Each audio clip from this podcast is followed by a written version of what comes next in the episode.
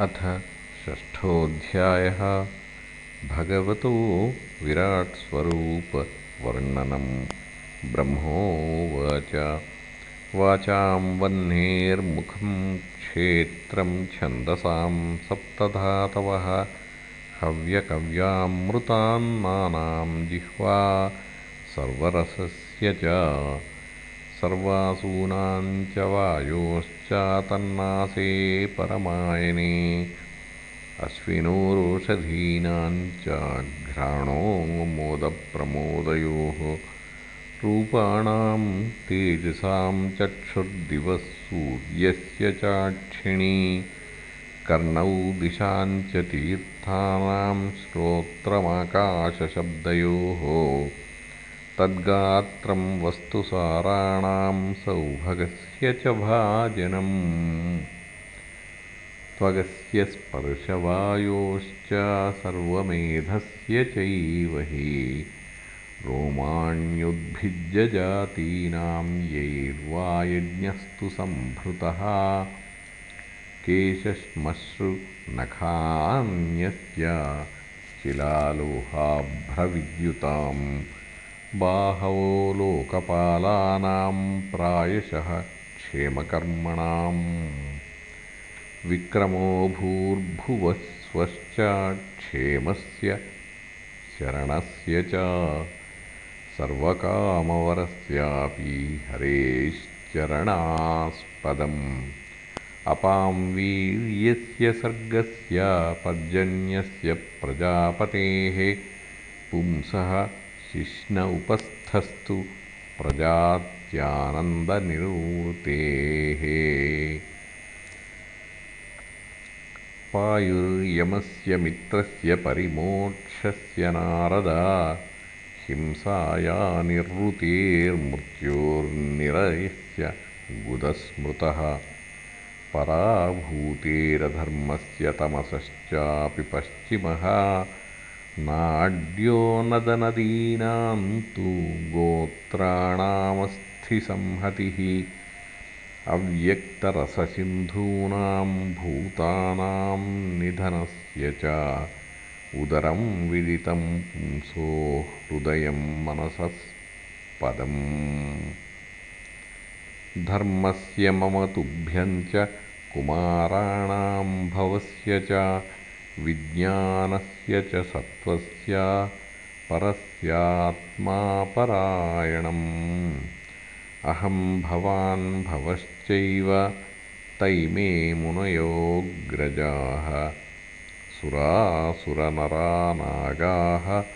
खगामृगसरीसृपाः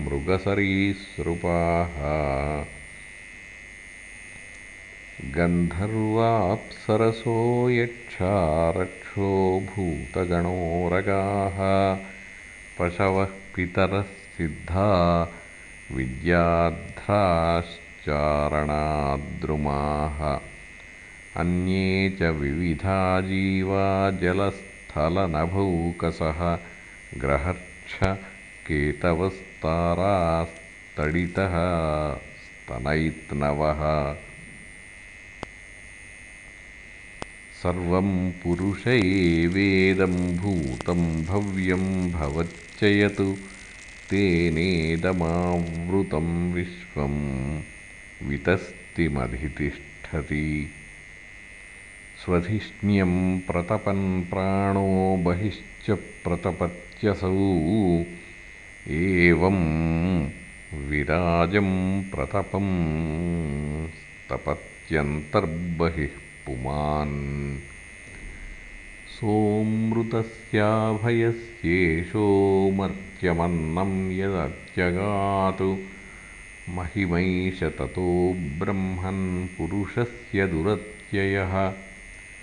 पादेषु सर्वभूतानि पुंसः स्थितिपदो विदुः।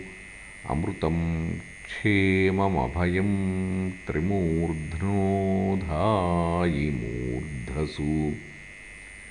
पादास्त्रयो बहिश्चासन्नप्रजानां याश्रमाः।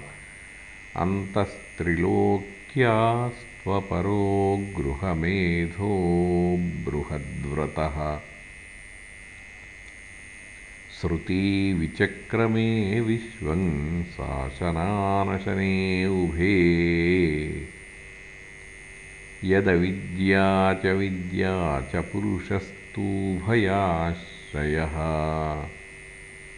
यस्मादण्डं विराड्जज्ञे भूतेन्द्रियगुणात्मकः तद्द्रव्यमत्यगाद्विश्वं गोभिः सूर्यैवातपन्। यदास्यनाभ्यान्नलिनादहमासं महात्मनः नाविदं यज्ञसंभारान् पुरुषावयवादृते। तेषु यज्ञस्य पशवः स वनस्पतयः कुशाः। इदं च देवयजनं कालश्चोरुगुणान्वितः वस्तून्योषधयस्नेहा रसलोहमृदो जलम् ऋचो यजूंषि सामानि चातुर्होत्रं च सत्तमा नामधेयानि मन्त्राश्च दक्षिणाश्च व्रतानि च। देवतानुक्रमः कल्पः सङ्कल्पस्तन्त्रमेव च गतयो मतयः श्रद्धा प्रायश्चित्तं समर्पणम्। पुरुषावयवैरेते सम्भाराः सम्भृता मया। इति सम्भृतसम्भारः पुरुषावयवैरहं तमेव पुरुषं यज्ञं तेनैवायजमीश्वरम्। ततस्ते भ्रातरैमे प्रजानां पतयो नव। अयजन् व्यक्तमव्यक्तं पुरुषं सुसमाहिताः। ततश्च मनवः काले ईजिरे ऋषयो परे पितरो विबुधा दैत्या मनुष्याः क्रतुभिर्विभुम्।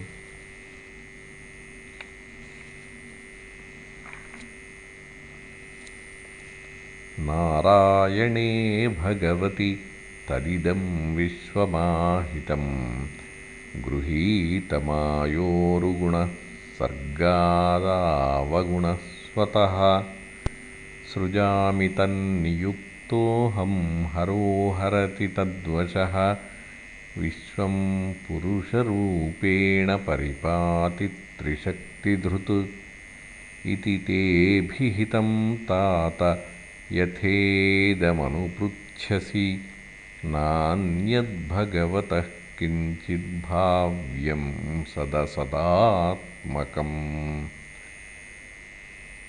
न भारतीमेऽङ्गमृषोपलक्ष्यते न वै क्वचिन्मे मनसो मृषा गतिः। न मे हृषीकानि पतन्त्यसत्पथे यन्मे हृदौ कण्ठ्यवताद्धृतो हरिः। सोऽहं समाम्नायमयस्तपोमयः प्रजापतीनामभिवन्दितः पतिः। आस्थाययोगं निपुणं समाहितः। तं नाध्यगच्छं यतात्मसम्भवः। नतोऽस्म्यहं तच्चरणं समीयुषां भवच्छिदं स्वस्त्ययनं सुमङ्गलम्। यो ह्यात्ममायाविभवं स्म पर्यगातु। यथा नभः स्वान्तमथापरे कुतः। नाहं न यूयं यदृतां गतिं विदुः। न वामदेवः किमुतापरे सुराः तन्मायया मोहितबुद्धयस्त्विदं विनिर्मितं चात्मसमं विचक्ष्महे। यस्यावतारकर्माणि गायन्ति ह्यस्मदादयः नयं विन्दन्ति तत्त्वेन तस्मै भगवते नमः स एषाद्यः पुरुषः कल्पे कल्पे सृजत्यजः। आत्मात्मन्यात्मनात्मानं संयच्छति च पाति च।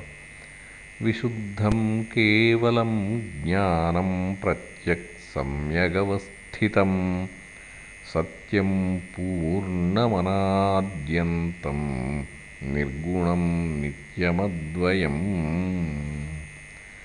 ऋषे विदन्ति मुनयः प्रशान्तात्मेन्द्रियाशयाः। यदा तदेवासत्तर्कैः तिरोधीयेत विप्लुतम्।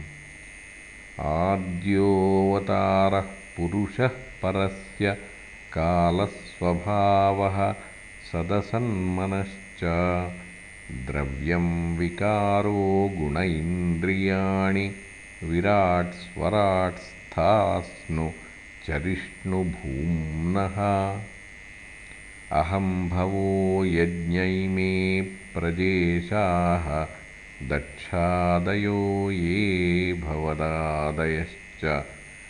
स्वर्लोकपालाः खगलोकपालाः नृलोकपालास्तललोकपालाः। गन्धर्वविद्याधरचारणेशा ये यक्षरक्षोरगनागनाथाः। ये वा ऋषीणां वृषभाः पितॄणां दैत्येन्द्रसिद्धेश्वरदानवेन्द्राः अन्ये च ये प्रेतपिशाचभूतकूष्माण्डयादो मृगपक्ष्यधीशाः